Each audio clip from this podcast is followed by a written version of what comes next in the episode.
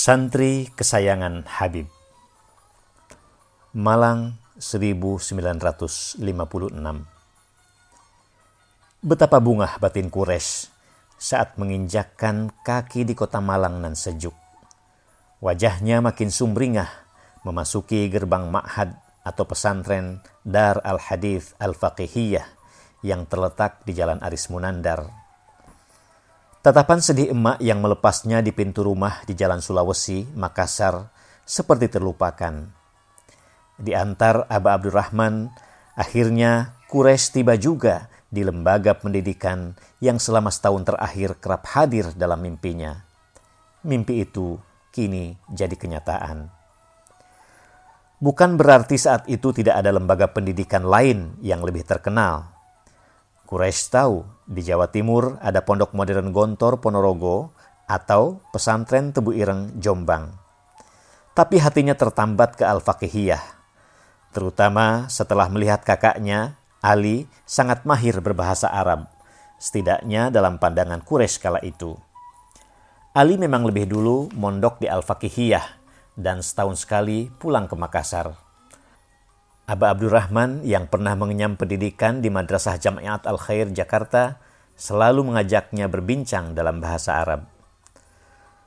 Kures baru saja naik kelas 2 SMP Muhammadiyah Makassar.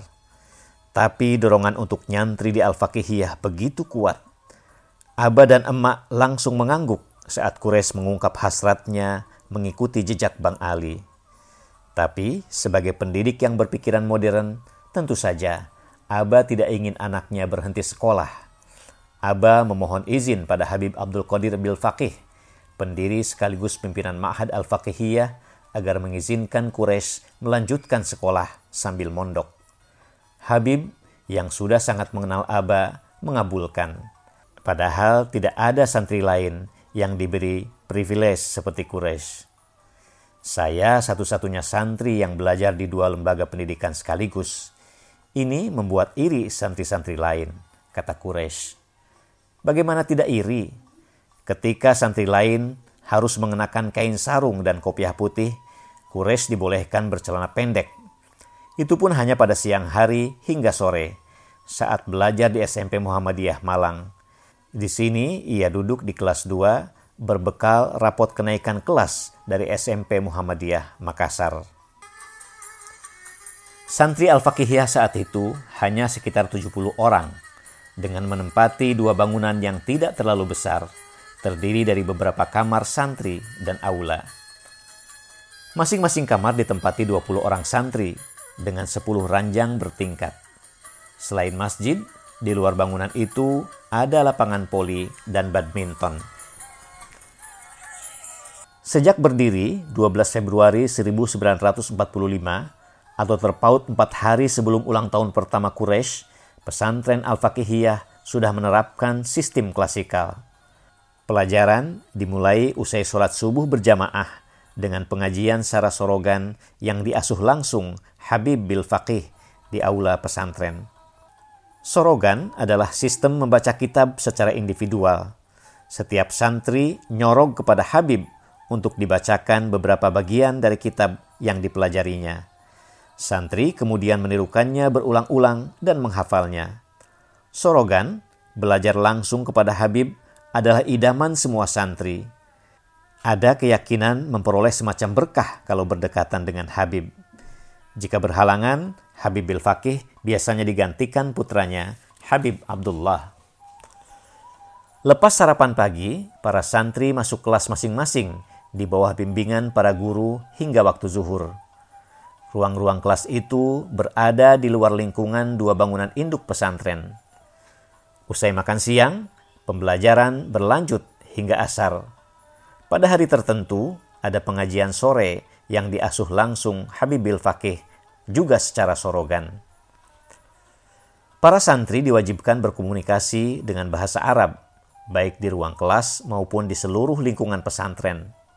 Yang melanggar aturan ini tidak diizinkan mengikuti pengajian sore bersama Habib Bil Faqih. Itu hukuman yang sangat berat secara psikologis, meskipun tanpa hukuman fisik, kata Quraisy. Hukuman fisik hanya diterapkan bagi yang keluar malam tanpa izin atau merokok. Ada empat tahapan pendidikan yang dilewati setiap santri. Pertama, tingkat i'dadi atau persiapan yang biasanya ditempuh selama dua tahun. Kedua, tingkat ibtidaiyah selama tiga tahun. Di tingkat ini, santri sudah diajari ilmu gramatika bahasa Arab, yakni kitab jurumiyah dan an-nahwul wadih dan durus al-fiqhiyah untuk ilmu fikih, serta at-targhib wa at-tarhib untuk pelajaran hadis. Pada jenjang ketiga atau sanawiyah yang berlangsung tiga tahun, santri diajari beragam ilmu seperti Jami'ud Durus Al-Alfiyah karya Ibnu Malik, kitab Fathul Qarib dan Fathul Mu'in untuk fikih dan kitab Mustalah Al-Hadis, Riyadus Solihin dan Sahih Al-Bukhari untuk hadis. Jenjang terakhir, aliyah, ditempuh selama tiga tahun. Materi pelajarannya melanjutkan tingkat sanawiyah dengan beberapa tambahan kitab seperti Kitab An-Nafas dan Anwar Al-Masalik karya Ibnu Aqil. Tapi sesuai namanya, Darul Hadis, kurikulum dan mata pelajaran hadis dengan ragam derivasinya menjadi andalan pesantren ini. Namun bukan beragam materi pelajaran itu yang mendorong Quraisy tekun belajar, melainkan sosok harismatik Habib Abdul Qadir Bil Faqih. Baru beberapa saat Quraisy mondok, Ikatan batin sudah terpatri erat antara dirinya dan pendiri pesantren itu. Quraisy benar-benar jatuh cinta. Cinta seorang santri pada kiainya, pada Habib. Inilah yang membuat hatinya makin tertambat di Al-Faqihiyah. Suara Habib Bil Faqih terdengar lembut saat menghidangkan aneka mutiara ilmu dan hikmah kepada para santri. Sikapnya yang waro atau rendah hati tapi tidak melunturkan wibawa dan ketegasannya. Keikhlasan bukan hanya kata yang kerap terucap, tapi terpancar dalam praktek keseharian Habib yang ditiru para guru. Keikhlasan, tegas Habib, adalah kunci utama proses belajar mengajar. Ta'limuna yalsa. Hasil pengajaran kami melekat karena keikhlasan. Demikian yang selalu diingatkan Habib Bil Faqih. Habib juga mengajarkan bahwa torikat atau jalan yang ditempuh dalam mencari ilmu dan mengamalkannya harus disertai kerendahan hati dan rasa takut kepada Allah. Popularitas di mata manusia bukanlah tujuan. Siapa yang mengidamkannya sesungguhnya ia kecil belaka. Luruskan niat, hindari gemerlapnya dunia, jauhilah aib dan keburukan. Demikian yang selalu dijelaskan oleh Habib Bil Faqih. Para santri juga diajari pentingnya menghormati perbedaan. Dalam keseharian misalnya, Habib membaca doa kunut saat sholat subuh, tapi tidak pernah mempersoalkannya, apalagi menyalahkan para guru dan santri yang tidak membacanya. Suatu hari, Kures duduk di sop atau barisan kedua saat sholat berjamaah di masjid. Habib Bil Fakih kebetulan datang terlambat dan kebagian sop persis di belakang Kures. Karena tidak enak hati sekaligus ingin menghormati gurunya, Quraisy mempersilahkan Habib menempati posisi duduknya. Habib malah menegur saya, tidak boleh ada toleransi untuk berdekatan dengan Allah. Seperti Abu Abdurrahman, Habib juga menanamkan benih cinta pada ajaran leluhur. Dan inilah salah satu alasan Aba mengizinkan Quraisy nyantri di Al-Faqihiyah. Di saat yang sama, Habib menanamkan rasa cinta pada Ahlul Bait, yaitu keluarga Nabi Muhammad, khususnya dari keturunan Ali bin Abi Thalib dan istrinya Fatimah. Habib selalu mengutip syair-syair yang memuji Ahlul Bait, seperti ungkapan Imam Syafi'i. Seandainya mencintai keluarga Nabi dinilai syiah, maka silakan dia dan jin menyaksikan bahwa aku adalah seorang syiah. Kalau mencintai keluarga Nabi Muhammad adalah dosa, maka itulah dosa yang aku tidak akan bertaubat darinya. Siapa sesungguhnya sosok Habib bil Faqih yang sangat dikagumi Quraisy? Dalam manakib karya Habib Soleh bin Ahmad Al-Idrus, pengajar di Darul Hadis disebutkan Habib Abdul Qadir bin Ahmad bin Faqih Al-Alawi lahir di kota Tarim, Hadramaut, Yaman tahun 1896. Ayahnya menamai Abdul Qadir, merujuk pada Syekh Abdul Qadir Jailani yang dianggap waliullah. Konon, pada malam kelahirannya, seorang ulama besar kota Tarim, Habib Syekhan bin Hashim As-Segab, mimpi bertemu Syekh Abdul Qadir Jailani yang menitipkan kitab suci Al-Quran untuk diberikan kepada Habib Ahmad, ayahanda Habib Abdul Qadir bil Faqih. Sejak belia, Habib Abdul Qadir dikenal cerdas dan haus ilmu pengetahuan. Ia belajar ke sejumlah ulama terkenal dan sangat memuliakan guru-gurunya. Betapa hebatnya pada guru, pernah suatu kali Habib Abdul Qadir ditegur gurunya karena suatu kesalahan. Belakangan, sang guru menyadari bahwa muridnya tidak bersalah dan ia pun meminta maaf. Meskipun saya benar, saya akan terima dengan senang hati jika guru memukul saya. Demikianlah ungkapan Habib yang ditiru para santrinya. Sebelum usianya 10 tahun, Habib Abdul Qadir sudah hafal Al-Quran.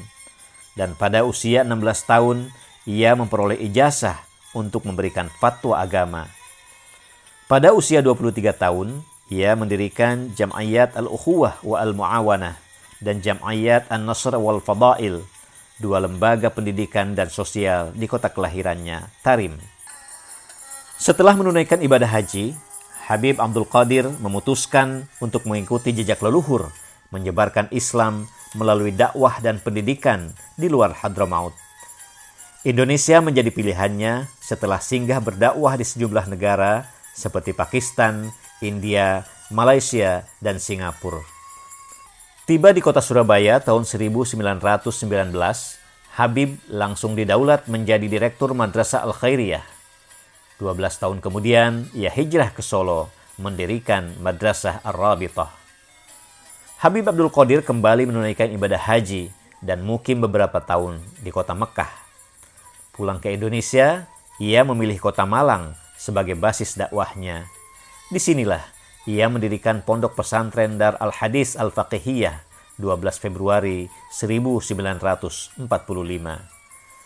Dinamakan Dar Al-Hadis atau Rumah Hadis karena Habib Abdul Qadir memang ingin menularkan ulum al-hadis atau ilmu-ilmu hadis kepada para santri.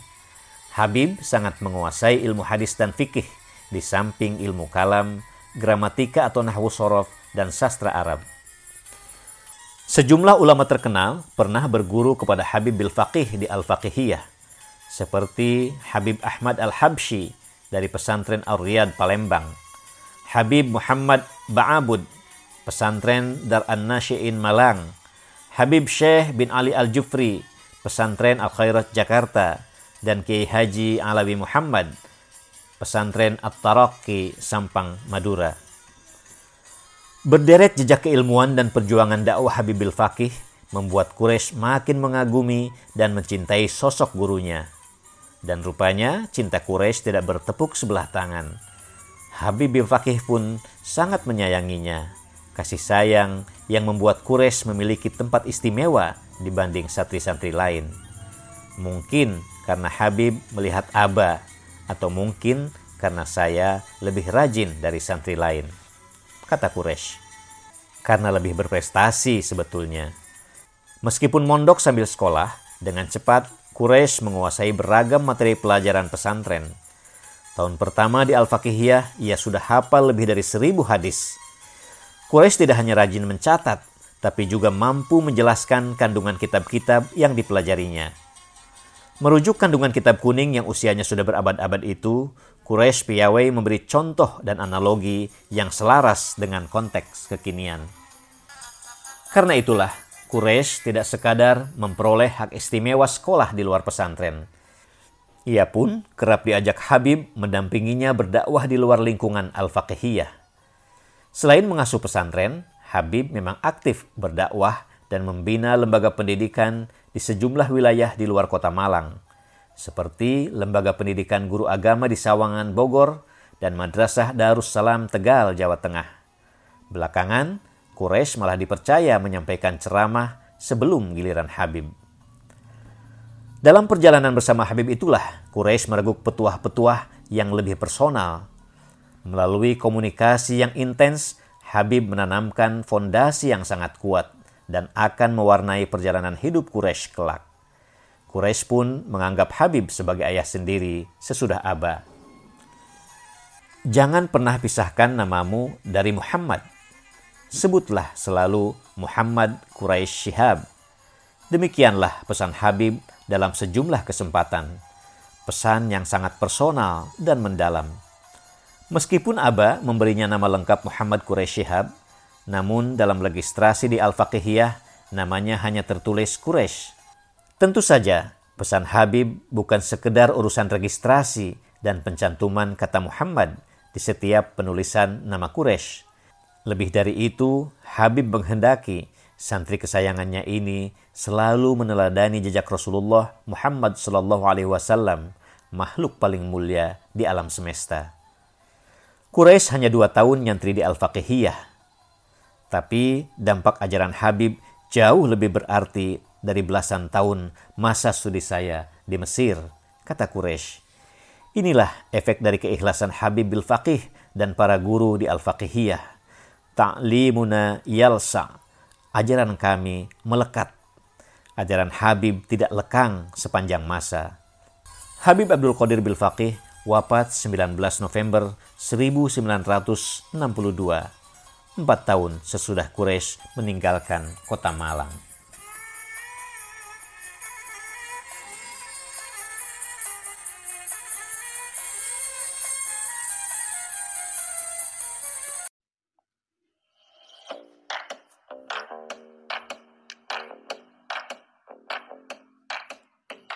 Simak terus kisah-kisah unik dan inspiratif dari buku Cahaya Cinta dan Canda Muhammad Quraisy Shihab.